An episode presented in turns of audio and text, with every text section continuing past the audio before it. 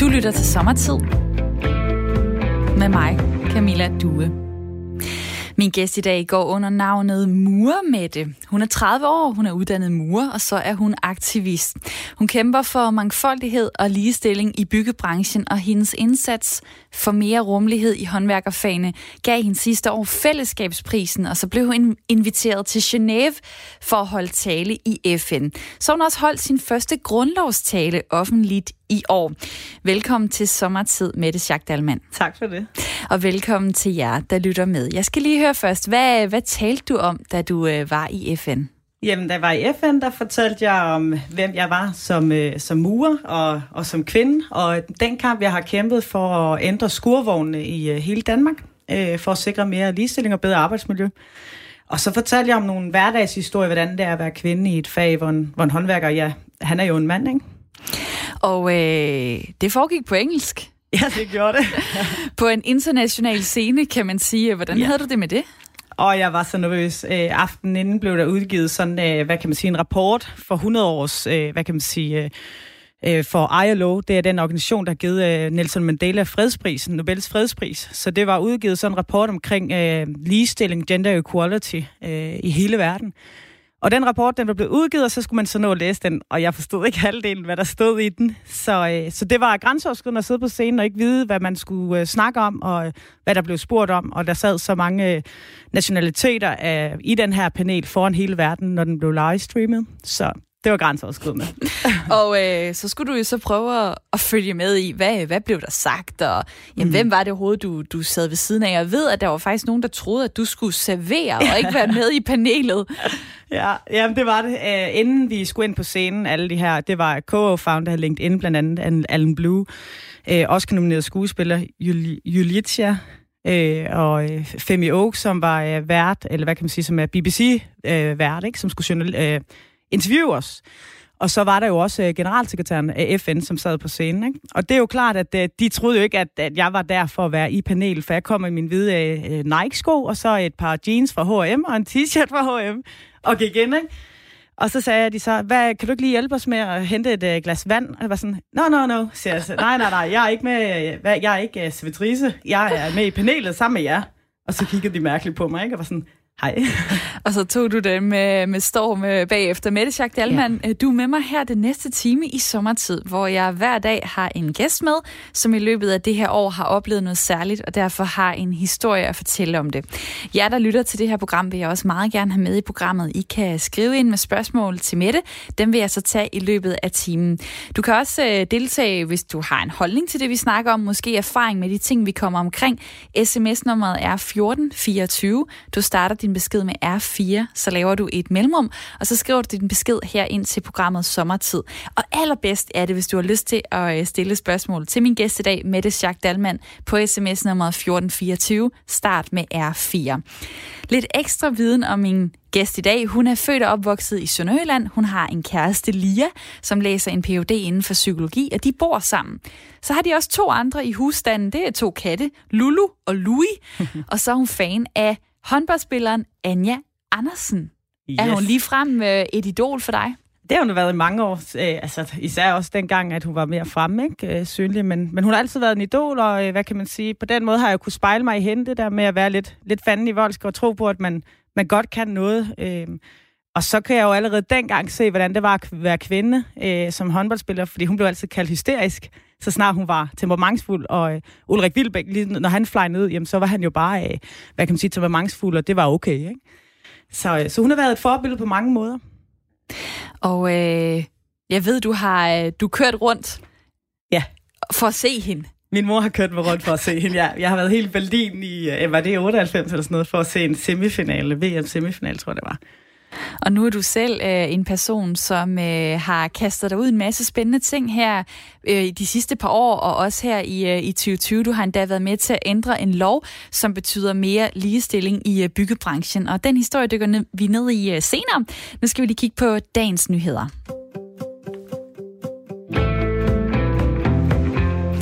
Og her tager du en historie med til mig. Jeg tager en historie med til dig fra nyhederne.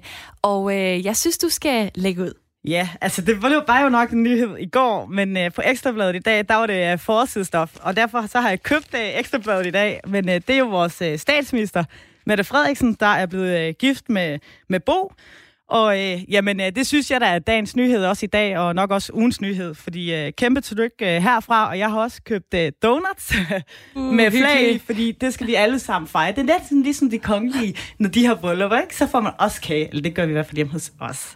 Og du står med jo så ekstrabladet og en forside. Øh, ja. Hvad, hvad, for lige at fortælle, hvordan ser Mettes kjole ud for dem, der ikke lige har set uh, billeder endnu af af hendes øh, ja. brudekjole? Jamen altså, den, altså, nu kan jeg jo kun lige se det øverste, øh, men jeg så selvfølgelig nogle billeder i går, men, øh, men den er jo flot. Nu går jeg ikke selv i kjolen, men, øh, men den er meget klassisk, og den er sådan lidt mere en, øh, en statsdame værdig. Øh, og jeg kunne også læse i en artikel, at det er også det, hun efterspurgte. Øhm, og, og som jeg kan se, jeg kan ikke huske uh, designeren, men jeg kan i hvert fald, uh, der er andre designer, der har været inde og kommentere på det, som sagt, at, uh, at den er utrolig flot øh, og, og lignende, hvad kan man sige, med de kongelige og så videre. Ikke? Og det var jo sådan lidt et uh, surprise-bryllup. I hvert fald kom der sådan en uh, tickerbesked, som det hedder på min telefon, i går middag cirka, og uh, mm. så stod der, jamen nu er Mette Frederiksen blevet gift med filmfotografen Bo Tænkberg uh, i uh, Magleby Kirke på Møn. Yes. Øh, der, var, der var 90 gæster med, kunne jeg også læse sådan lidt uh, sladderagtigt. Ah, det var godt, det var under 100, var. Det var godt, det var under 100, for ellers havde der godt nok været, uh, været et problem. Ja. Øh, jeg ved jo, at du har også et uh, lidt specielt forhold til Mette Frederiksen, fordi hun følger dig faktisk på Instagram, det yeah. her sociale medie, hvilket vil sige, at hun ser de billeder, du lægger op, de ting, du skriver. Og det er ikke noget, hun gør ved alle mennesker. Ved du egentlig, hvor lukket en klub, du er kommet ind i der? Øh, ja, det tror jeg, jeg er. Øh, jeg ved det. Øh, da hun ansøgte mig, det var faktisk dagen efter, fandt jeg så ud af, øh, hun lukkede Danmark ned, fik jeg en følgeanmodning på Instagram. Og der tænker jeg sådan, ah, det må være en fake profil. Øh, men den var god nok, og jeg kan jo se, at dem, hun følger, det er minister, måske, øh, det er i hvert fald ministerne, så er det Angela Merkel øh, og andre præsidenter, og så videre i, i Danmark, og, og nogle få kendte mennesker. Øh, så det var sådan lidt mærkeligt. Jeg gik flere gange ind og ud af min Instagram-profil for at se, om hun, den forsvandt igen, ikke? Men, men den var god nok, for jeg tænkte, det må være en fejl, hun har trykket på øh, følg med det, Jacques Dalman. Og det, øh, der kom du ind i en klub på kun 102 mennesker, som statsministeren mm. følger på, øh, på øh, det sociale medie Instagram.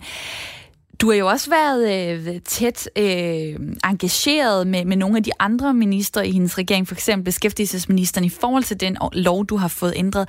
Har du mm. tænkt på nogle gange, om du er blevet lidt for tæt med, med et politisk parti? Nej, det har jeg ikke. Altså på den måde, fordi da jeg startede det her med skurvogn og ændrede den lovgivning, der var det jo da Venstre-regeringen, der sad øh, dengang, da jeg startede. Så det var jo Lund Poulsen og Eva Kjær Hansen, jeg, jeg fik Øh, kontaktet på det tidspunkt. Ikke? Så har jeg jo også været og holdt tale for enhedslisten til deres øh, valgkamps kick-off, som de kaldte det, inden øh, valget øh, for, sidste år, tror jeg, eller for i år i, øh, i København. Så jeg snakker med pol- øh, politiske partier på tværs, øh, og jeg har også været ude og holde oplæg for Alternativet og for SF, ungdomspartier osv. Og hvad hvis du blev inviteret af Nye Borgerlige eller Liberal Alliance? Vil du så også dukke op? Ja, det vil jeg nok. Øh, men altså, det er klart, at når de beder mig om at komme og tale, der er det jo ingen af dem, der beder mig om, at øh, jeg kun må snakke om det her. Øh, det folk beder mig om at tale om, det er, hvem jeg er, og øh, hvad jeg kæmper for, og dele min historie om, om det, at jeg stod op for mig selv og ændrede, øh, skabte forandring i samfundet, og det, det er det, folk bliver inspireret af. Så selvfølgelig vil jeg gerne snakke med nogle partier, som jeg kan være politisk uenig med, hvis det er, at jeg kan inspirere dem. Øh, og det er den eneste måde, man skaber forandring på, det er jo også ved at gå i dialog øh, konstruktivt. Og det kan man jo gøre blandt andet på de sociale medier. Og min historie fra dagens nyheder handler faktisk om det. Netop øh, Twitter, som har været udsat for et øh, hackerangreb, hvor flere 100 kendte menneskers Twitter-konto er øh, blevet overtaget af nogen, man ikke helt ved, hvem er. Blandt andet Obama, øh, det er rapperen Kanye West, det er kendisen øh, Kim Kardashian, det er øh, forretningskendisen Elon Musk og mange flere, som altså har fået hacket deres Twitter-konto. Og det, der så er sket, det er, at øh, der er nogle svindlere, der har forsøgt at lokke penge ud af folk ved at skrive ud, at øh, hvis man øh, sendte øh, dem nogle øh, bitcoins, det er den her kryptovaluta, mm. sådan en speciel øh, form for øh, penge, så vil man i løbet af en halv time få det dobbelte retur, altså tjene penge på det, hvis man gav lidt. Øh, de her opslag, de er så blevet slettet. Jeg har ikke lige kunne læse mig til, at der er nogen, der faktisk har mistet penge på det her, men jeg synes, det er interessant i forhold til den her frygt for, at det sker for en, om man er kendt eller mindre kendt, at få hacket sin konti på sociale medier. Mm. Hvordan har du det med det? Hvad gør du for, at det ikke sker for dig? Altså, øh, det er klart, at øh, da jeg før kun var murer, der tænker jeg ikke så meget over hackerangreb på den måde, at øh, nogen skulle hacke mig. Men det er, når jeg kommer mere og mere frem i mediernes søgelys, så er der noget, jeg tænker over i forhold til personlige billeder, og også sådan noget, som man kan få adgang til. Nu har jeg selv en Twitter-profil, øh, og jeg er selvfølgelig ikke så bange for, at den bliver hacket, men, øh, men jeg synes, det er skræmmende, at vi lever i et samfund, hvor det er, at vi er så øh, sårbare over for øh, IT og elektronik og alt det der, ikke? Fordi du kan jo næsten ikke købe noget, hvis, øh, hvis øh, dankortautomaterne går ned og så videre, ikke? Altså, det hele er elektroniseret, eller hvad kan man sige?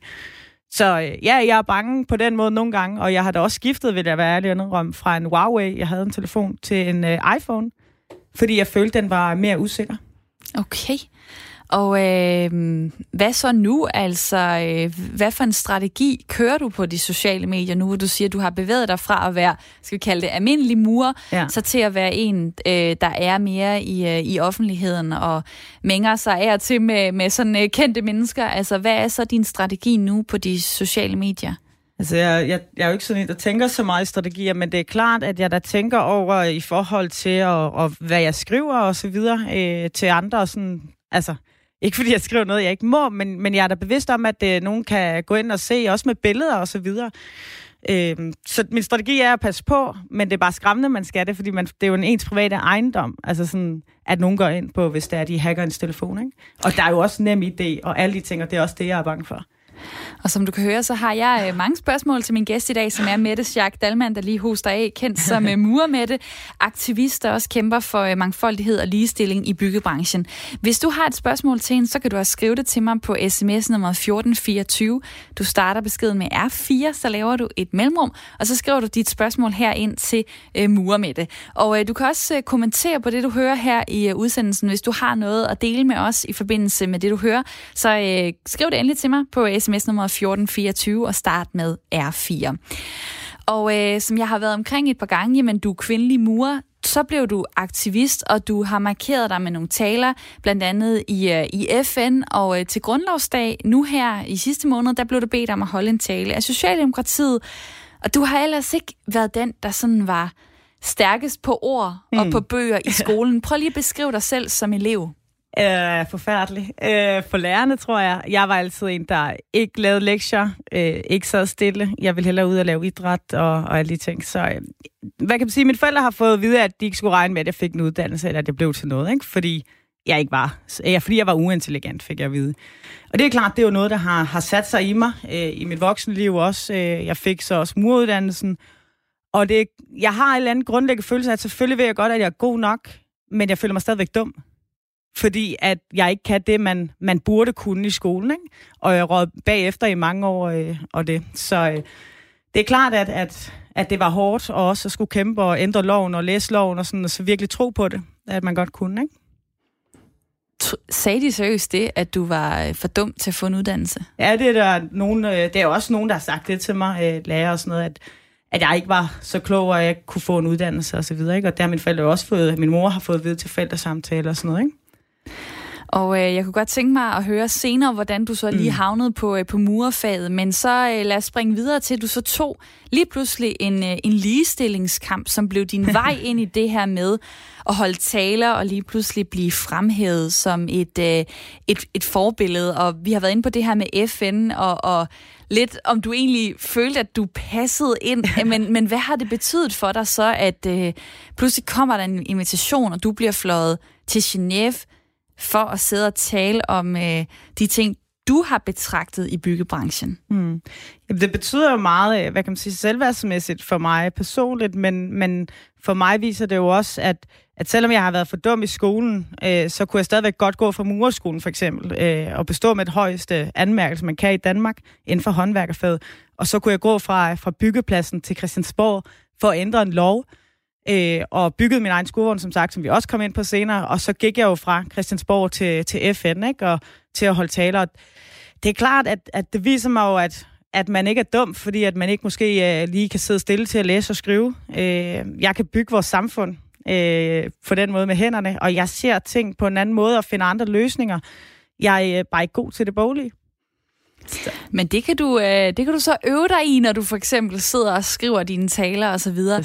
Øhm, det, der satte dig i gang, det var jo noget, du oplevede som en øh, urimelighed, uretfærdighed øh, mm. på dit eget arbejde. Det her med, at du kunne ikke tage et bad i en øh, skurvogn efter en øh, dag på job, uden ja. at skulle stå sådan og føle dig halvnøgen sammen med dine mange mandlige kollegaer. Ja. Hvis du lige skal oprise øh, så kort som du kan, ja. det forløb, der har været omkring den kamp, du tog med at få ændret skurvognen. Ja. Hvor, hvor startede det, og hvor, hvor slutter det? Jamen, altså, det er meget svært at gøre det kort, men jeg skal forsøge, men altså, skurvogn i Danmark er, der er regler for, hvordan hver en centimeter skal være, og det er et svar, en skurvogn er et svar på et læreværelse og et omklædningsrum i et. Og der er det sådan, at man klæder om, og der er der ingen døre i nogen skurvogn i Danmark, medmindre man skal have miljøvogn, som er meget dyre. Det øh, gør, at jeg som kvinde nogle gange skal tage før fri for at tage et bad, eller senere fri. Det resulterer så også i, at der er en lov, der siger, øh, at hvis jeg, man er mere et et køn på en byggeplads, så skal jeg have lov til at have min egen skurvogn. Og derved så er jeg en udgift for den enkelte virksomhed. Og det synes jeg var frustrerende, hvorfor man ikke kunne få en dør i en, øh, i en altså lave en unisex få en dør i brusebadet kontakte en skurvognsproducent. Jeg øh, fortalte dem, hvordan jeg kunne tænke mig, at vi bygger den skurvognsproducent. Fik bygget en skurvogn, kørte den over til Christiansborg. Ude foran Christiansborg stod min skurvogn, og der kom ligestillingsministeren og beskæftigelsesministeren til morgenkaffe i skurvognen, som, som jeg havde øh, inviteret, og arbejdsmarkedsparter. Jeg sagde i skurvognen, at øh, jeg har i dag for at skabe forandring, sagde jeg til mine gæster. Og så sagde jeg også, det ene er, det er, øh, den her skurvogn, det er den praktiske løsning. Og to, det er, at loven den skal ændres. Det skal gøres sådan, at øh, mit køn ikke er en udgift for den individuelle virksomhed, og det skal gælde for alle. Og hvis man har flere øh, folk over i byggebranchen, elever, så mener jeg jo også, at man skal have en dør til brugsbadet, for når folkeskoleelever ikke vil bade med eget køn og samme alder i folkeskolen, hvordan skal vi så få dem over i øh, erhvervsfagene? Og det gjorde du da meget godt, så næsten opridsede det bare på et minut. Øhm, hvordan, øh, hvordan har du egentlig selv følt det ved at skulle skulle bade i de gammeldags øh, skurvogne? Jamen, altså, jeg synes, øh, jeg synes da bare, det var sådan lidt træls. Altså, jeg ved ikke, om vi kender jo alle sammen det der med at sidde på et toilet hjemme med nogle venner, så er der ikke en lås på døren, man sidder der på toilettet. og Hvis man kan nå håndtaget, så sidder man i hvert fald og holder fast i håndtaget, ikke? Eller, eller så sidder man og lytter til, og klar til at sige sådan, jeg er herinde, jeg er herinde, ikke? Og det er, det er bare sådan en træls ting, på, for, sagt på godt jysk. Og så er det jo også, at jeg ved, at efter jeg startede, der var der jo mange, der skrev til mig, også kvinder som mænd, men mange kvinder har jo ikke blevet ansat siden 1992, hvor den lov blev lavet, skurvognregulativet. Og det var, jeg synes, det var uretfærdigt. Jeg synes, det var træls, at jeg altid skulle være træls på byggepladsen, inden jeg var startet på et arbejde. At jeg var gjort til et problem. For jeg skulle ikke være have særbehandling og have min egen skurvogn. Og det, det ville jeg jo heller ikke. Men hvorfor optimerer man ikke den, man havde, ikke? Og det var den uretfærdighed, der sådan tænkte, det kan bare være nok. Og så spurgte jeg folk, kan vi ikke ændre det? Kan vi ikke sætte en dør i? Vi nedbryder så mange døre ude på byggepladsen og sætte den i, ikke? Men det kunne ikke lade sig gøre. Og så blev jeg frustreret over, at når folk fortæller mig, at noget ikke kan lade sig gøre, så giver de mig ikke en forklaring. Og de viser mig heller ikke, at det kan lade sig gøre. Så tænker jeg, men så skal jeg nok vise jer, at det kan lade sig gøre. Så må jeg jo bare bygge min egen skurvogn. Og så må jeg jo google mig frem til, hvordan jeg finder alle mulige svar. Hvilket jeg så gjorde. Ikke? Og øh, det skete jo det, at øh, ligestillingsministeren og beskæftigelsesministeren sad foran øh, åben kamera på Christiansborg, og jeg troede, det var mest ligegyldigt i hele Danmark. Det var min skurvogn. Men hele Danmarks presse var jo mødt op. Og da jeg sidder der i skurvognen, så kan jeg huske, at øh, da jeg sagt det her, der fik jeg videre, at jeg var den eneste i hele Danmark, der havde et problem med at bade i skurvogne og i bygge- og anlægsbranchen. Og så kiggede jeg over på, på vedkommende, så sagde det, og så sagde jeg sådan, har du egentlig nogensinde været i baden i skurvogn før? Og så svarede han nej. Og så kigger jeg bare på ministeren og siger sådan, tak, jeg har ikke mere tilføje. Fordi jeg var her jo for at dele min historie. Og så kan jeg bare huske Troslund Poulsen, som er venstrepolitiker og hvid mand, han smider sin papir ned i bordet, uden at snakke med de andre fra ministeriet, og så siger han sådan, nu synes jeg, I skal til at anerkende Mette, for den kamp, hun har kæmpet for alle håndværkere i hele Danmark. Nu skal I sige hende tak. Og hvis I arbejdsmarkedsparter ikke kan lave et, øh, et udspil inden april måned, så overruler jeg arbejdsmarkedsparter. For den her lov, den skal Mette have. Og det gyldne ord, det var så, at Truslund Poulsen, han, du ved, han tager hænderne over kors, læner sig tilbage, og så kigger han på den. For jeg gider da heller ikke at stå i bare røv og bade over for mine kollegaer. Og jeg reagerer bare ved at græde, ikke? det var bare sådan, det var min reaktion, fordi det var sådan, fordi lige pludselig var det en største selvfølge for alle. Fordi jeg havde mødt så meget modstand. Øh, fordi jeg bare gerne ville have en dør i en bruser, og det skulle være alle personers eje i Danmark. Jamen altså, i din branche, der, der var der folk, der ligesom ville gå imod dig, fordi du skulle mm. ikke gå ind og ændre på de her ting, eller hvad? Ja, altså, ja, det var der. Øh, men det er jo fordi, jeg siger noget, der er anderledes, og noget, der er nyt, og så, så fik jeg jo at vide, at jeg var en, øh, hvad kan man sige, ødelagde byggebranchens ry øh, og, øh, og håndværkernes identitet i Danmark. Øh, og det, jeg havde gang i, skulle der en revolution til. Og da jeg hører det, der tænker jeg bare, fair nok, så må jeg bare lave den revolution selv. Så må jeg starte den. Øh, og det er klart, at øh, alt forandring er svært og så videre. Og det har da været hårdt, men jeg har også lært ekstremt meget af det. Øh, jeg har fået mere selvtillid, men jeg har også, hvad kan man sige, fået så meget mere igen. Altså, det har været så fedt, og det har også været så vildt, at jeg stod øh, kort tid efter på øh, en øh, verdenskongres i Bella Center og skulle tale for 1200 ledere i hele verden omkring min øh, skurvogn. Øh, og bagefter så stod jeg for 1500 øh, arbejdsmiljørepræsentanter i Odense Kongresscenter, fortalt og skulle give et inspirerende oplæg. Og jeg har aldrig fået taleskrivning øh, eller medietræning eller noget som helst, og det har jeg stadigvæk ikke. Og bagefter så, så var enhedslisten havde inviteret mig til at tale i København til deres valgkampskick-off. Det der med at være almindelig borger, øh, og så øh, gå, altså, hvad kan man sige, bidrage til demokratiet og, og gøre noget, og være en stemme og være aktiv. Og så bagefter, så fik jeg en, øh, en mail fra øh, FN, og jeg troede så, det var spam, ikke? så, og sidenhen, så har jeg været med i, i mange forskellige ting. Der er kommet øh, en, øh, en sms her. Øh, der er en, der skriver, at langt de fleste håndværkere tager da bad, når de er kommet hjem. Det lyder meget som et problem, du selv har skabt. Hmm, ja, det er lige, altså, og det er rigtig fint, øh, og det er også meget det, jeg har, har hørt meget på, øh, at mange folk tager et bad, når de kommer hjem. Hvad er det? Hvorfor er der brug for at tage bad ude på arbejdspladsen? Jamen altså, fordi jeg kan være beskidt. Jeg har jo ikke lyst til at... Jeg har jo ikke firmabil. Øh, og jeg har ikke lyst til at øh, skulle øh, tage, det, tage min egen privatbil og så sætte mig derind med, med støv og det hele. Og så er det også nogle steder, hvor vi øh, rører ved kloakker og så videre, hvis det er det, eller noget andet slam, hvor man, man skal have mulighed for at tage et bad. Og så er det jo også sådan, at, at selvom man ikke tager et bad, så var det jo også en lov, der var med til at diskriminere og udelukke, fordi man gjorde halvdelen af arbejdsstyrken kvinder til en udgift i hele bygge- og anlægsbranchen. Og det var også den lov, jeg ville, hvad kan man sige, ændre. Og som jeg også sagde til Troels Lund, så sagde jeg sådan, Troels, hvad, hvad kan det være, du ville ændre loven for mig? Altså sådan, hvad, hvad var det, der gjorde? Hvilket forskning kiggede du på? Og så siger han med det, jeg lyttede til dig. Du gør med din historie, du har fundet et løsningsforslag. Og så kigger jeg på ham, ja Troels, det er også egentlig rigtigt. For ved du hvad, dem, som ikke har lyst til den her dør, de kan jo bare lade være med at bruge den. Jeg vil bare gerne have muligheden for at kunne tage et bad bag en dør, ikke? Så. Og har du hørt fra andre kvinder? Ja, jeg har hørt fra andre kvinder, men også andre mænd. Altså i branchen, tænker jeg? Ja. Også fra, men også fra mænd? Ja, ja, rigtig mange mænd også. Der er jo overvægtende mænd. Der er jo kun 9% kvinder i hele bygge- og anlægsbranchen af malere, tømmer og elektrikere, konstruktører osv., men, men der er jo rigtig mange mænd. Og det er jo også noget, som, som arbejdsmarkedsparter og fagbevægelsen har kæmpet for i øh, århundreder, for at få øh, bedre forhold. Og jeg mener, de rettigheder, der er blevet kæmpet for i, øh, i øh, aftalerne, jamen dem skal man jo ikke give afkald på, fordi at, øh, jamen, jeg må lade være med at være så sart, men det er jo en, en, en, en helt basal rettighed. Altså, som sagt, altså, jeg tror ikke, at man ved skolen skal sige, nu kan I ikke komme i bad, eller nu skal I bade sammen alle sammen. Altså sådan, ja, sådan fornuft, tænkte jeg. Det er jo sjovt, fordi jeg, jeg står lidt og, og tænker to forskellige ting. Det ene mm. det er, at i vores samfund er vi ligesom blevet enige om, at vi opdeler øh, kønnene, for eksempel i, i svømmehaller eller i andre typer af omklædningsrum, hvor vi respekterer, at øh, folk skal have lov til at, øh, at kunne stå øh, uden at, øh, at kunne blive begloet af, af det modsatte øh, køn. Og modsat kan man også sige, jamen altså ligestilling, det er jo også, at man bliver lige behandlet. Og I havde jo alle sammen ret til et bad. I ja, havde jo alle sammen ret til... til... var en udgift. Og, og det, det skal jeg lige forstå. Hvordan var det så? Altså, hvis, hvis I alle sammen havde en ret til at gå i bad i skurvognen, for, fordi jeg er et andet køn, så var jeg en udgift for den enkelte virksomhed. For arbejdsmiljølovgivningen sagde, at hvis jeg ikke kan bruge den samme skurvogn uforstyrret som mændene, så havde jeg lovkrav, så skulle jeg have min egen. Og det gjorde jo, at man ikke vil ansætte kvinder, for eksempel.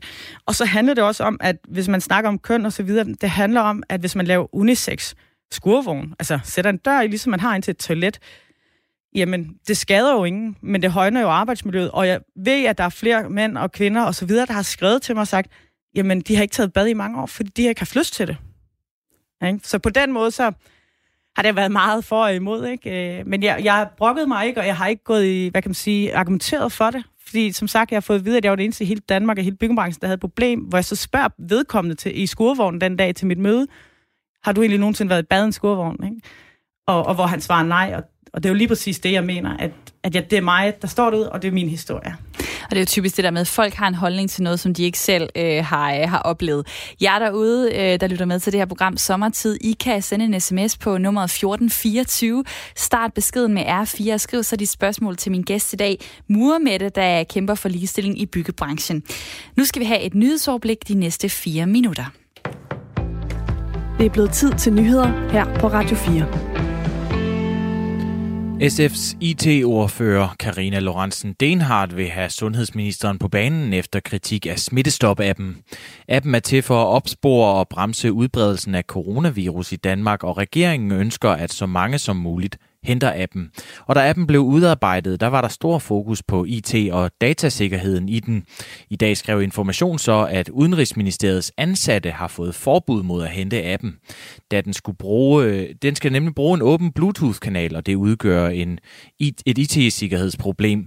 Sundhedsminister Magnus Heunicke har ellers hele tiden sagt, at den er helt sikker, og at der ikke har været noget at frygte.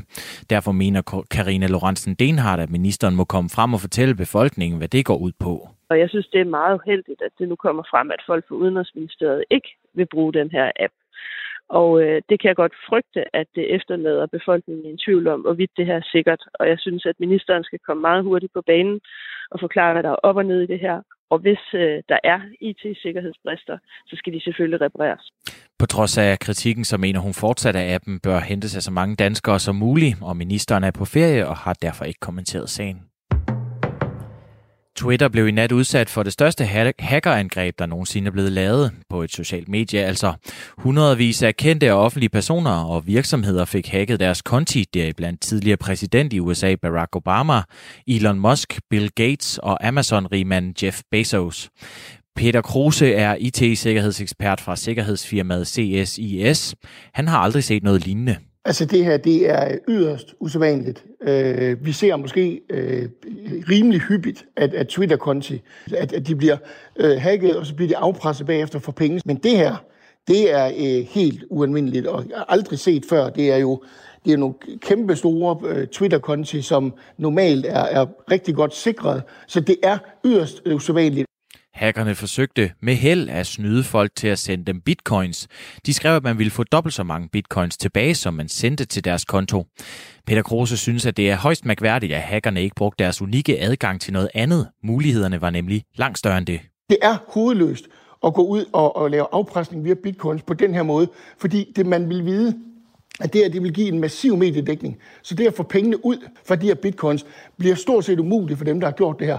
Der må ligge noget andet bag det her, end, end, end man egentlig bare forsøger, ligesom man har gjort tidligere, at afpresse øh, kendte mennesker og firmakonti, som man har set før.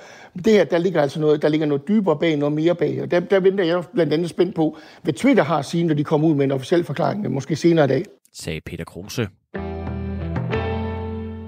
Familien til George Floyd har sagsøgt staten Minneapolis og politibetjentene, der er tiltalt for hans død. George Floyd døde tidligere på året i forbindelse med en anholdelse, og det udløste store demonstrationer verden over.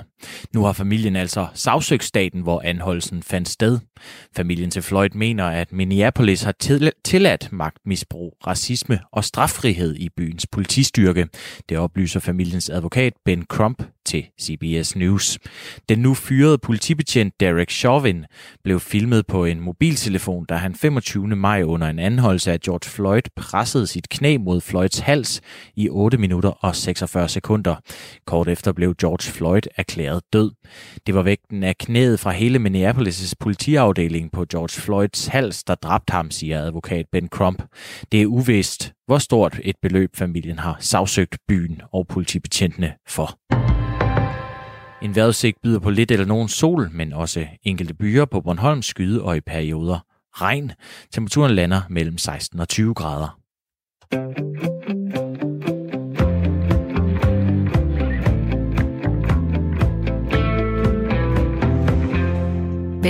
tilbage til programmet Sommertid, hvor jeg er din vært. Jeg hedder Camilla Due.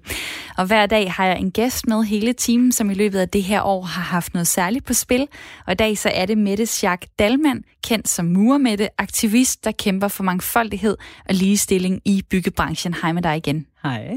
Og lige før nyhedsoverblikket hørte man der fortælle om, hvordan du har fået ændret lovgivningen, sådan at det fra næste år 2021 vil være et krav, at alle byggepladser har en skurvogn med badefaciliteter, hvor der er en dør for brugskabinen, så kvinder i håndværkerfagene også kan få et bad på en ordentlig måde og føle sig ordentligt øh, tilpas. Jeg har sagt til folk derude, send en sms ind øh, på nummeret 1424, skriv R4, hvis I har et spørgsmål til Mette, og der er kommet øh, flere beskeder her. og øh, jeg kunne godt tænke mig at, øh, at læse den her op for dig først. Øh, der er en, der skriver her, det er Lars.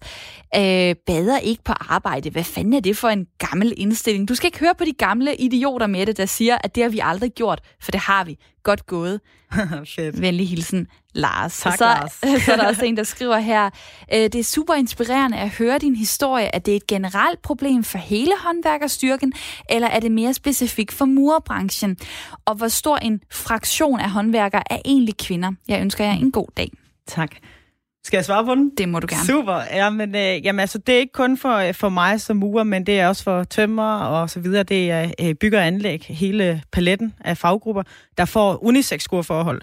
Og det er jo netop det, at det kan godt være, at jeg har kæmpet for det, og jeg som kvinde øh, har holdt fast i, at jeg synes, det er et problem. Det blev jeg bare nødt til, fordi ellers hvis jeg sagde, at vi synes, det er træls, jamen så stod jeg ikke så stærkt i min argumentation om, øh, hvorfor at jeg ønskede at få en dør i en bruser. Så, øh, så jeg gjorde det for, at vi alle sammen, uanset køn og så videre, fik bedre arbejdsforhold. Og, øh, og som sagt, ja, det er vores alle sammen, der får det i hele Danmark.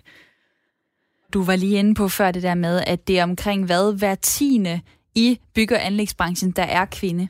Ja, det er i hvert fald 9 procent, øh, men, men der tæller vi jo altså murer, tømmer og, og maler, men vi tæller jo også øh, konstruktører, øh, arkitekter og, og, mm. og, hvad kan man sige, byggeledere. Så måske er tallet på det, man kunne kalde de øh, rigtige håndværkere øh, lidt mindre. Altså, Ja. øh, der er en, der også har, har skrevet her på sms'en til dig. Hvad tror du fraholder kvinder fra at blive håndværkere? Er det det beskidte arbejde, eller er det omgangstonen? Altså, der er jo mange forskellige grunde til det, kan det jo være, men, men først og fremmest så tror jeg, det er den forestilling, der er, at en håndværker er en mand. Øh, kvinder øh, eller unge piger bliver jo guidet af vejen om, at øh, de skal måske være frisører, eller så skal de i gymnasiet, og det gør øh, de unge drenge jo også. Det er jo den her forestilling, øh, hver gang jeg hører om nogen omtale en håndværker, så er det en, en mand. Øh, jeg bliver jo hver dag spurgt om, Nå, er du kvinde? Hvad i alverden? Øh, kan det være, du valgte det? Øh, hvad siger din ma- kollega til at have en kvinde som kollega osv.? Og det her spørgsmål er jo forståeligt og normalt at spørge om. Men det er jo udelukkende normalt og forståeligt, fordi at vi er vant til at se en håndværker som en mand. Så vi har været med til at reproducere nogle ting, som gør, at øh, jeg er usædvanlig. Har du nogensinde haft kvindelige kollegaer så? Jeg har set nogle kvindelige øh, håndværkere ude på byggepladserne, men desværre ikke så tit, og jeg har jo hørt for, for ikke så lang tid siden en, en kvinde, som startede i lærer, så hvor hun så tog den her, nu kan jeg ikke huske, hvad den hedder, en gymnasie, og øh, håndværkeruddannelsen samtidig med. Der er de to kvinder på holdet, der kommer der en øh, tømmermester ind på øh, skolen i Randers øh, og siger sådan, hvad er de to kvinder dernede, hvad skal de? Jamen, de er også øh, i lærer, de leder efter læreplads. Ja, han skulle fandme ikke have to kvinder i hans øh, firma. Ikke? Og det er sådan lidt allerede på forhånd, altså uden at vide, hvor dygtige de er, så er de sat tilbage. Ikke? Øh, Og der har du jo valgt at gå ind i en branche, som er så kønsskæv. Har du nogle gange overvejet, for fanden mand, skulle jeg ikke have valgt noget andet? jeg tror, jeg er modsat. Tænker, nu skal jeg nok vise jer. Øh, jeg, har, jeg tænkte jo ikke over det, øh, før at jeg startede, før jeg blev bevidst om, at når jeg kom ind i murhallen, så, så var der nogen, jeg ikke kendte på skolen, i murskolen i Sønderland, der sagde sådan, øh, malafdelingen ligger nede i den anden ende, fordi murer har jo hvidt tøj på, ikke? Jeg var sådan lidt, jamen, jeg skinner murer. Øh, men, men også, at nogen troede måske, at jeg var en støttepædagog til en af de andre i klassen, og ikke øh, i lærer med dem, ikke? Og hvorfor skulle du egentlig øh, blive murer? Altså, øh, hvad fik dig ind på det spor, og hvad er fedt ved det job, du har i dag? Jamen, jeg vidste jo ikke helt, hvad jeg ville. Jeg har været tre år på et plejehjem, øh, ældrecenter, hvor jeg var mega glad for at være. Øh, men jeg synes, at de skæve tider, de arbejder, men også den lille anerkendelse. Hele deres arbejde foregår med, at de arbejder weekender og så videre. Øh, det synes jeg ikke var, var fair. Og så valgte jeg håndværksuddannelsen, og tænkte, det kunne da være fedt at bygge sit eget hus. Øh, og det var det, der, der gjorde, at, at jeg ville det. Øh, ja, fordi jeg gerne ville lære at mestre et håndværk. Øh, jeg havde bare ikke lige tænkt over, at jeg skulle lære at mestre øh, et selvforsvar mod folks forventninger til mit fag, men også mit køn. Når du går på arbejde i, i dag, øh, kan du, øh, er du nået et sted hen, hvor du på en eller anden måde kan se ud over det, hvor du, kan, hvor du ikke skal høre så meget på det mere, altså så du kan nyde at gå på arbejde og gøre det, du kan lide som murer? Eller er det sådan noget, jamen hver, hver anden dag, så er der en eller anden lille kommentar, eller noget, du skal forholde dig til, som er pisseirriterende at høre på? Mm. Jamen, jeg nyder hver dag at gå på arbejde. Det har jeg jo hele tiden gjort. Jeg har jo nyt håndværk. Jeg er glad for mine kollegaer. Jeg er glad for det, jeg laver. Det er kæmpe frihed. God løn. Øh, alt det her. Øh, det er klart, der kommer nogle spørgsmål nogle gange, men, øh, men jeg, jeg irriterer mig måske nogle gange over dem, men jeg vælger også min kamp med omhu. Øh, jeg mødte en mand, øh, da jeg var i gang med at ændre loven, en rengøringsmand, som gjorde skurvogn ren, og ikke vidste, at vi var, tror jeg, for havde han ikke spurgt. Og han, det første, han sagde til mig, var sådan, Nå, er du så en af de krævende kvinder, som kræver din egen skurvogn? Og jeg tænkte sådan, wow, et spørgsmål, du får, jeg kender ham ikke. Så vendte jeg mig bare om, og så sagde jeg bare sådan, nej, jeg er en af de krævende kvinder, som ændrer lovgivning. Og så gik jeg, og tænkte sådan, hvad var det, jeg sagde? Og han forstod ingenting, ikke? Så selvfølgelig er der nogle kommentarer, så nogle gange, så, som sagt, så gav jeg jo bare igen og sagde, jeg er bare en af de krævende kvinder, som ændrer lovgivning. Altså. Og en af de øh, krævende kvinder, som nu skriver øh, taler også, selvom du slet ikke ved, hvordan du, øh, du skal gøre det. Det ja. kan jeg godt lige øh, tænke mig at, at høre lidt om, fordi du har, øh, du har gået på hjemmeskole. Din, du har lavet din egen ja. lille, ta, dit eget lille taleskriveri, ja. og så ser du øh, taler af, af ham her, fordi han inspirerer dig. Ja. I stand here knowing that my story is part of the larger American story, that I owe a debt to all of those who came before me, and that in no other country on earth is my story even possible. Det er jo, øh, det er jo en god Obama. Øh, her en ældre tale, jeg har fundet fra 2004, fra hans øh, tidlige karriere, da han var øh, senator. Øh, hvad, hvad har du lært af ham? Jamen, jeg har jo ikke kunne øh, vide, hvordan man skriver en tale, så jeg har jo googlet en masse ting. Øh, og så har der været nogle øh, sådan, øh, det hedder speechwriting classes, altså sådan lære at skrive en tale. Og der har det været nogle øh, taleskriver, man kunne sådan følge, og der har jeg så prøvet at kigge på øh, Cody Conan, Kanan, eller Conan, hvad han hedder, øh, Obamas, øh, øh, hvad det hedder, taleskriver, og så Obama. Og Obama synes jeg sådan, jeg bliver meget inspireret af ham, fordi han bruger sin, øh, sin historie, andres historie, billedligt, sætter dem ind i hverdagsperspektiv, så det ikke bliver sådan noget fint flofferi. Øh, og det er også sådan, jeg gerne vil. Øh, og det er jo den, jeg er. Jeg er ikke en, der bruger de fine, fine ord i, øh, fra skolen og så videre, fordi dem kan jeg slet ikke. Men, men jeg tager den ned, sådan, hvor jeg kan mærke mig selv. Og det er det, jeg forsøger at give videre. Hver gang jeg laver en tale, da de skrev til mig fra Socialdemokratiet i Jobbe Høj, om jeg ville lave en øh, grundlovstale. Mit første svar var selvfølgelig, øh, jo, men hvad har I tænkt, jeg skal skrive om? Sådan, ja, Mette, du kunne jo øh, starte med at skrive om grundlovsdag, altså tale om grundlovsdag, nå ja. Og så kunne du måske nævne ligestilling og den kamp, du har kæmpet sådan, god idé. øhm, så, så på den måde, hver gang jeg laver en tale, selvfølgelig, så spørger jeg, hvad deres forventninger er, men også, hvad vil jeg gerne dele med andre? Hvordan kan jeg dele min historie ind i deres hverdag, i dem, der lytter. Ikke? Og det er sådan set det, jeg gør. Det er jo det, jeg kan høre øh, Obama gøre. Den, øh, jeg vil gerne være mig selv. Og det synes jeg, Obama var rigtig god til os. Og lad os lige høre, hvad du har lært af Obama. Jeg mærkede selv hurtigt virkeligheden, da jeg startede på murskolen i Sønderjylland. Jeg havde glædet mig, for nu skulle jeg til at lære at mestre et håndværk. Men hvad jeg ikke lige havde tænkt over, det var, at jeg lige pludselig også skulle til at lære at mestre et selvforsvar mod folks forventninger til mit fag, men også mit køn. That all men are created equal. That they are endowed by the Creator with certain inalienable rights. Wow. That among these are life, Ej, det er også lidt tavligt af mig. Men øh, hvem, hvem, kan, hvem kan hamle op med Obama? Men jeg synes at du, øh, du gør det rigtig godt. Hvordan forbereder du dig egentlig, når du skal holde de her inspirational speeches? Jamen, jeg forbereder mig jo på den måde, at jeg laver en tale, øh, hvor jeg læser, altså laver min egen tale, bruger min egen ord øh, hele vejen igennem, og så læser jeg den igennem igen og igen og igen og igen, indtil jeg faktisk lidt katten som et, som et skuespil, fordi det er den eneste måde, når jeg ikke er så senevand, at jeg kan føle mig tryg, fordi at hvis jeg nogle gange kører sådan off-road, at hvis man kører af spor, sport, så ved jeg altid kan finde tilbage igen. Øh, og jeg kan få mig selv mest muligt frem, fordi jeg er jo også meget humoristisk, eller sådan, det synes jeg jo måske selv. men altså sådan meget afslappet. Og selvfølgelig, jeg prøver ikke på at ligne Obama, øh, men det er klart, at han har været en god lærermester for mig på den måde. Øh, og jeg kan også huske øh, i øh, grundlovstalen her, øh, der indtog jeg jo også ind, at min mor har jo altid sagt, når jeg fik at vide, at jeg var så dum til, at jeg ikke kunne få en uddannelse, og jeg kunne blive til noget, så har min mor faktisk altid fortalt mig, med en dag, så kan du blive statsminister. Og det var ikke, fordi hun ville have, at jeg skulle blive statsminister. Men hun sagde det de tidspunkter, hvor det var, jeg, hvor jeg synes, det var nederen at gå i skole. Og på den måde gav hun mig jo en inspiration til, Nå, jamen, jeg kan stadigvæk godt blive til noget, selvom det var meget voldsomt. Ikke? Og det sagde jeg også i min grundlovstale at min mor, hun sagde, at øh, jeg en dag ville kunne blive statsminister. Og min mor sagde altså i grundårstalen, må jeg jo erkende, at nogle gange har ret, at ens mor har ret. For i dag, der er Mette vores statsminister, og jeg er en glad og stolt mor. Og øh, hvis jeg lige øh, skal spole tilbage til, til dit murfag, altså øh, fremtiden for det, du laver jo oplæg, og du, øh, du bliver booket til alt muligt. Folk vil, vil høre dig tale, og de vil have dig ud på skolerne til at, at tale med de unge mennesker, og også sige til, til pigerne derude, hey, I kan også gå den her vej. Mm.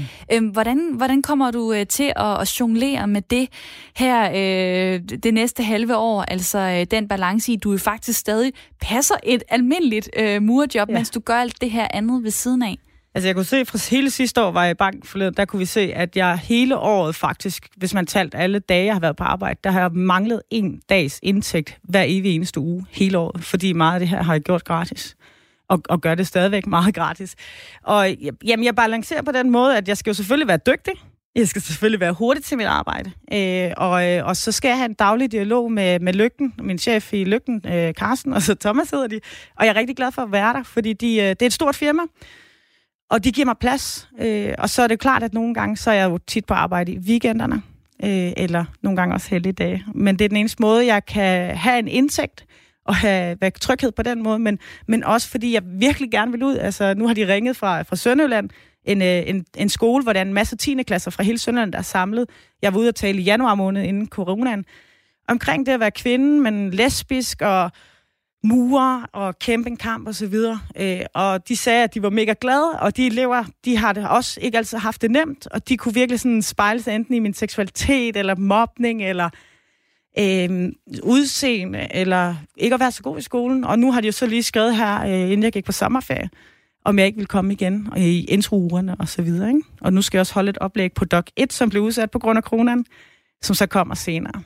Doc 1 her i, øh, i Aarhus. Ja. Og øh, altså ja, der er jo, det har vi jo ikke engang været omkring, men der er jo øh, også, kan man sige, den kamp, du kæmper med at kunne få lov til at være dig selv og blive mm. accepteret. Øh, du har en øh, kæreste, en kvindekæreste, mm. øh, Lia. Et hurtigt spørgsmål fra, fra mig til dig om det så lige. Øh, Passer det ind i, i øh, måske en mere traditionelt øh, fag i verden, altså øh, det her med at være lesbisk og så øh, være, øh, være mur? Altså, jeg ved jo, at det er mange kvindelige håndværkere, som er heteroseksuelle, som synes, det er træls at blive antaget som lesbiske. Og jeg synes jo, det er måske træls, at de kan synes, det er træls og omvendt, men, men jeg er jo ikke murer fordi jeg er lesbisk. Altså, det er jo ikke min seksualitet, der gør det. Det er heller ikke min seksualitet, der gør, at jeg ser sådan her ud. Det er noget, der hedder kønsudtryk, øh, som man også kan google. Jeg googler også selv meget. Men min seksualitet har intet med valg af uddannelse at gøre. Så øh, ja, ellers så var alle homoer jo. Og når du siger, ser sådan der ud, så er det fordi, at du er t-shirt, du har jeans på, du har sneakers på, og du har nogle tatoveringer. Ja, er det det? lige præcis. og, kort, og kort hår også. Ja, lige præcis. øhm, vi, har, øh, vi har talt en del om øh, alt det, du har, har oplevet indtil nu i første halvdel af 2020. Nu skal vi også lige tale lidt om uh, sommerferie. Yes.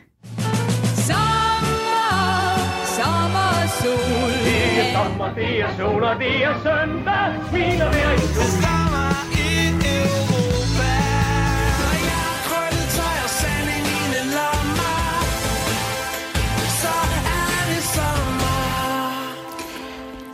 Coronaen øh, har ødelagt sommerplanerne for en del, og det var det også lige ved at ske for, øh, for dig og for din kæreste. Men øh, nu skal I alligevel til Grækenland.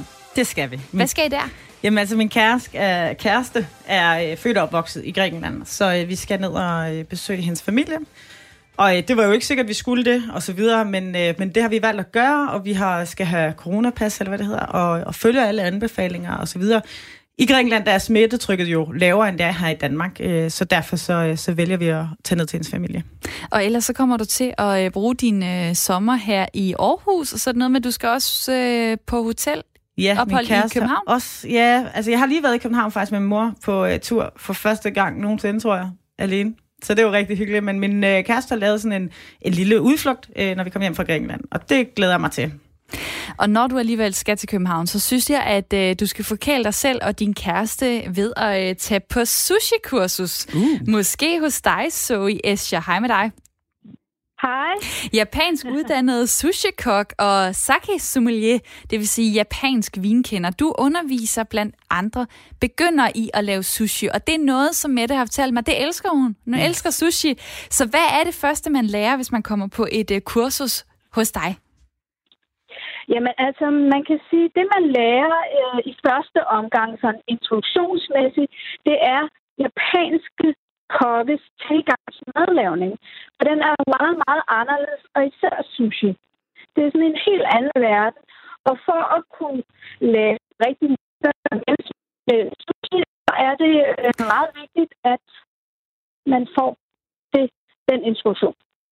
Og jeg tror, jeg fik halvdelen af det, du sagde øh, med, og det er vist fordi, du er i et tog lige nu, øh, Zoe. Yeah. Kan du lige prøve at opriste kort igen? Altså, man lærer noget med, øh, med japansk sushi, man lærer noget med nogle teknikker, eller hvad var det, du var inde på? Ja, altså, øh, man kan sige, øh, grundlæggende set, så er der ikke kun én teknik, når man skal lave sushi. Der er mange forskellige teknikker, og det afhænger af de råvarer, man bruger. Det er derfor, at øh, japansk sushi er så anderledes, fordi hvis man skal få det øh, fulde udbytte af sushi og øh, den madlavning, man skal lave, jamen så er det vigtigt, at man kender de forskellige teknikker. Giver det mening? Det tror jeg da, det gør. Jeg skal spørge wow. Mette, har du været på kursus før? Nej, men jeg kan høre, jeg skal nu. hvad, er din, hvad er din yndlingstype af sushi? Det, jamen, det er helt klart, øh, jamen nu ved jeg ikke, men med laks. Øh, men jeg kan rigtig godt lide, jeg ved, at øh, japansk, altså sådan i Japan spiser de jo sushi på en helt anden måde, end man gør i, øh, i Danmark. Ikke alt muligt, det der chili mig og så videre. Så jeg vil rigtig gerne lære også, det er noget med, hvordan man skal døbe sushien, og hvilken sushi man skal spise først efter hvilken fisk. Så det kunne være mega spændende. Og øh, jeg kunne jo også leve af sushi hver dag, hvis jeg havde rigtig mange penge. Det er helvedes dyrt. Hvad, øh, Zoe, hvorfor skal det koste så meget at, at spise sushi, tage på sushi-kursus osv.? Jamen altså, øh, hvorfor det er så dyrt at, at spise sushi, altså det er, jo for, det er jo lidt svært for mig at vurdere lige præcis. Det er det er sådan restauranten, der, der ligesom øh, vurderer det. Men i forhold til øh, sushi-kursus, altså man kan sige, den enkle form, hvor man spiser det mere rene sushi, uden chili mayo og uden forskellige øh, toppings, jamen det er lidt mere udfordrende at, at lave, fordi det så er de unikke råvarers øh, smagsnuancer, man skal, man skal fremhæve. Og det er jo også der, hvor man lægger mærke til, om det er en virkelig god fisk, du sidder og spiser, fordi der ikke er noget, der forstyrrer smagsindtrykkene. Og det sagde Zoe Escher. Tak, fordi du var med her. Selv tak. Japansk uddannet sushi-kok og underviser. Og der findes øh, flere forskellige kurser, både i København og i Aarhus, sikkert også i andre byer. Øh, hos Zoe, der koster det omkring 700 kroner og varer to en halv time. Og øh, så tænker jeg, jamen øh, Mette, hvis du er så vild med sushi, gider du så overhovedet øh, betale for selv at stå og lave det? Eller vil du så hellere bare gå ned og købe det fra det sted, øh, hvor du ved, at øh, her smager det bare rigtig godt? Altså, jeg, jeg vil selvfølgelig gerne lave det, øh, hvis det er. Jeg, jeg, jeg var ikke så god til det, men jeg vil faktisk rigtig gerne på et kursus, for ligesom at få en indsigt i, hvad det er for noget mad og så videre. Det, det synes jeg giver sådan en, en god sådan kombination, når man så sidder og spiser det. Men altså, nu spiser jeg jo sushi en eller to gange om, øh, om ugen med min kæreste, så jeg er så glad for... Puh, ja, lige præcis. Jeg er så glad for... Øh, siger de ikke også fisk tre gange om ugen, så det er okay, ikke? men, øh, men jeg er glad for, at øh, feriepengene, feriepengene kommer, ikke? Fordi det, uh, det har været dyrt, ikke? Under corona, men vi skal jo støtte. Så jeg fik også en kort, tusind tak, fordi I støtter lidt sushi og så videre. Ej, jamen så er det da en anbefaling til dig, i hvert fald at måske en gang imellem prøve at lave det selv, kunne gøre det derhjemme, øh, også øh, når du kommer hjem fra, mm. øh, fra sommerferie. Du har også taget en anbefaling med til, øh, til vores lyttere? Noget, du øh, kunne, øh, kunne pege på, de kunne lave i løbet af sommeren? Ja, altså jeg har lidt to ting, men, øh, men jeg synes, øh, en anbefaling, det er for eksempel, at øh, Falula, sangeren, har jo lavet sådan en podcast, der hedder Hej Søster, hvor, øh, hvor det er, man, øh, hun taler og lærer, øh, hvad kan man sige, lyttere bedre at kende. Og det er ikke, fordi jeg selv er med i podcasten i det ene afsnit, men det er, at man hører øh, forskellige kvinder øh, om iværksætteri og økonomi, om mobning og om at være forbilleder osv. Den, øh, den giver en mega god indsigt i forskellige menneskers liv, men også øh, man kan spejle sig i. Og så en anbefaling, det er jo, at man kan jo tage podcasten, og så kan man tage til Sønderland, hvor jeg kommer fra, og så kunne man besøge øh, Ballum, Rømø og Højer, øh, og så, øh, hvad kan man sige, tage over på Rømø, og så få en øh, is øh, ved Fodax. Øh, Rømø Strand er fantastisk. Øh, og det er jo øh, verdens naturarv. Det er blevet lavet til hele Sønderland øh, ved UNESCO der. Så det er en is i hånden, en podcast i ørerne, og den hedder Hej Søster, den Hej, du søster, anbefaler. ja. Der er kommet nogle sms'er på 1424. Jeg når lige nogle af dem her. Der er en, der skriver, sushi er dyrt, fordi mange fiskearter snart er uddøde. Med venlig hilsen, Ina. Så er der også en, der skriver, hvis det var os mænd, der ikke kunne komme i bad på arbejdspladsen, så skulle du høre et ramaskrig. Og hvor helvede er fagforeningen henne i den her sag? Er der en, der skriver. Og så øh, til sidst er der Michael, der skriver, hvorfor skal vi altid høre om folks seksualitet, når de er lesbiske eller bøsser eller andet? Du spørger sgu da ikke ind til, om folk er heteroseksuelle. Vel, skriver Michael jo så til mig. Og det øh, kan jeg også godt se, det går lidt igen, fordi i går havde jeg besøg af Simon Emil Amitsbøl Bille, øh, som både har været gift med en, øh, en mand og en kvinde. Men Mette, hvordan har du det egentlig med at tale om din øh, seksualitet? Skal jeg bare lige høre her kort ja. til sidst. Det er, for mig er det fint nok, men det er klart, at øh, det er ikke altid, jeg selv vælger, om jeg vil fortælle om biseksuel, eller ikke biseksuel, men, øh, at jeg er homoseksuel. Fordi at min tilstedeværelse gør det. Og øh, så er det klart, at så snart jeg fortæller, at jeg var ude og gå en tur med min kæreste, som hedder Lia, som er en kvinde, allerede der har jeg fortalt nogen om min seksualitet, og det synes de er for meget.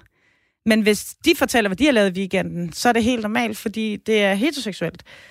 Og nogle gange så bliver man sin seksualitet, og jeg kan ikke selv få lov eller vælge at komme ud af den boks med min seksualitet og få en maskinesalve af spørgsmål om alt muligt, hvornår jeg fandt ud af det, om jeg ikke heller vil være sammen med en mand, og så videre. Det gør heteroseksuelle ikke. Og det er fordi, vi tilhører en minoritetsgruppe, som man ikke har kendskab til. Og det kunne være øh, den næste kamp, du skal kaste dig ind i og, og tage fat på. Jeg skal lige høre 2020. Øh, der, er lidt, der er cirka et halvt år tilbage. Ja. Hvad har du på programmet? Hvad glæder du dig mest til? Jamen, jeg glæder mig jo til at tage ud på de øh, oplæg og taler, jeg skal holde øh, i øh, resten af året. Øh, og så ved jeg, at jeg øh, skulle være ude og tale 1. maj, taler i seks byer. Det skal jeg så øh, næste år, der har de booket mig. Så det skal, jeg skal forberede alt muligt, og jeg glæder mig. Og så skal jeg jo arbejde og passe mit arbejde. Og det sagde Mette Schack Dalman, kendt som murmette og aktivist, der kæmper for mangfoldighed og ligestilling i byggebranchen. Tak for en rigtig dejlig time sammen med dig. Selv tak. Og jeg har bedt dig om at sende vores lyttere godt videre til resten af deres dag med en sommersang. Hvad skal vi høre i dag? Yes. Jamen, vi skal høre Jada med, med Nudes. Øh, det gør jeg, fordi at kvinder i branchen har det sværere med at øh, komme frem og blive hørt. Og så øh, synes jeg også, at jeg, øh, jeg gerne vil anbefale fordi øh, det er min øh, kærestes kusine, og øh, hun skal lige have en god so- øh, sommer herfra. Ja, hun skulle jo have åbnet øh, Orange Scene Ja, på, øh, på Roskilde Festival i år, men nu må hun nøjes med øh, lidt øh, mindre koncerter. Og med at øh, blive valgt som øh, dagens sommersang, det er lille plaster på såret. Her får du sangen Nudes fra Jada. New year, new me kind of thing. Till you came and ruined everything. I gave my heart, but over what? Was supposed to go like that. Fucking up this year sure went fast. No one did it like you, touched me like you. Boy, I really lost it when I saw the names on your phone. Now I know you never sleep alone. I need too much attention for that.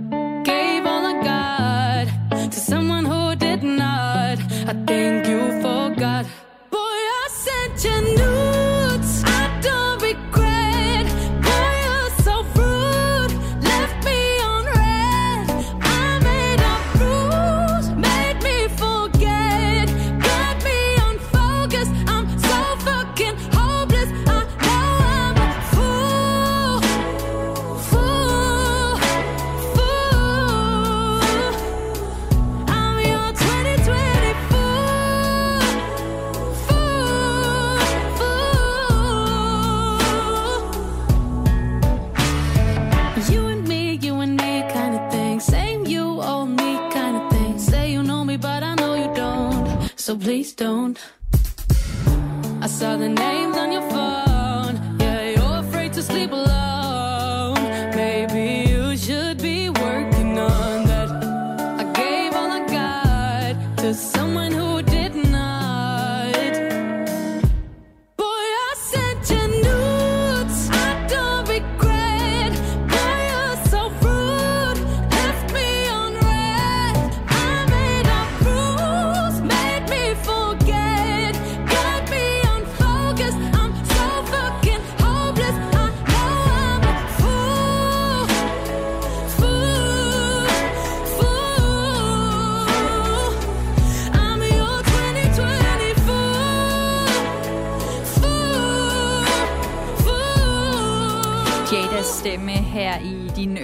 Det var sang Nudes, valgt af min gæst i dag, Mette Schack Dalman, kendt som murmette aktivist, der kæmper for ligestilling i byggebranchen.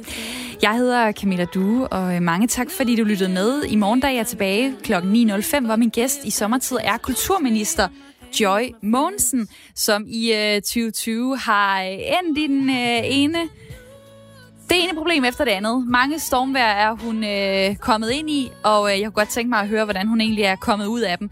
Du kan også stille spørgsmål i morgen til Joy Mogensen i programmet Sommertid, og jeg glæder mig rigtig meget til at tale med hende. Jeg håber, at øh, du vil lytte med. Nu er øh, klokken blevet 10, og vi skal have nyheder.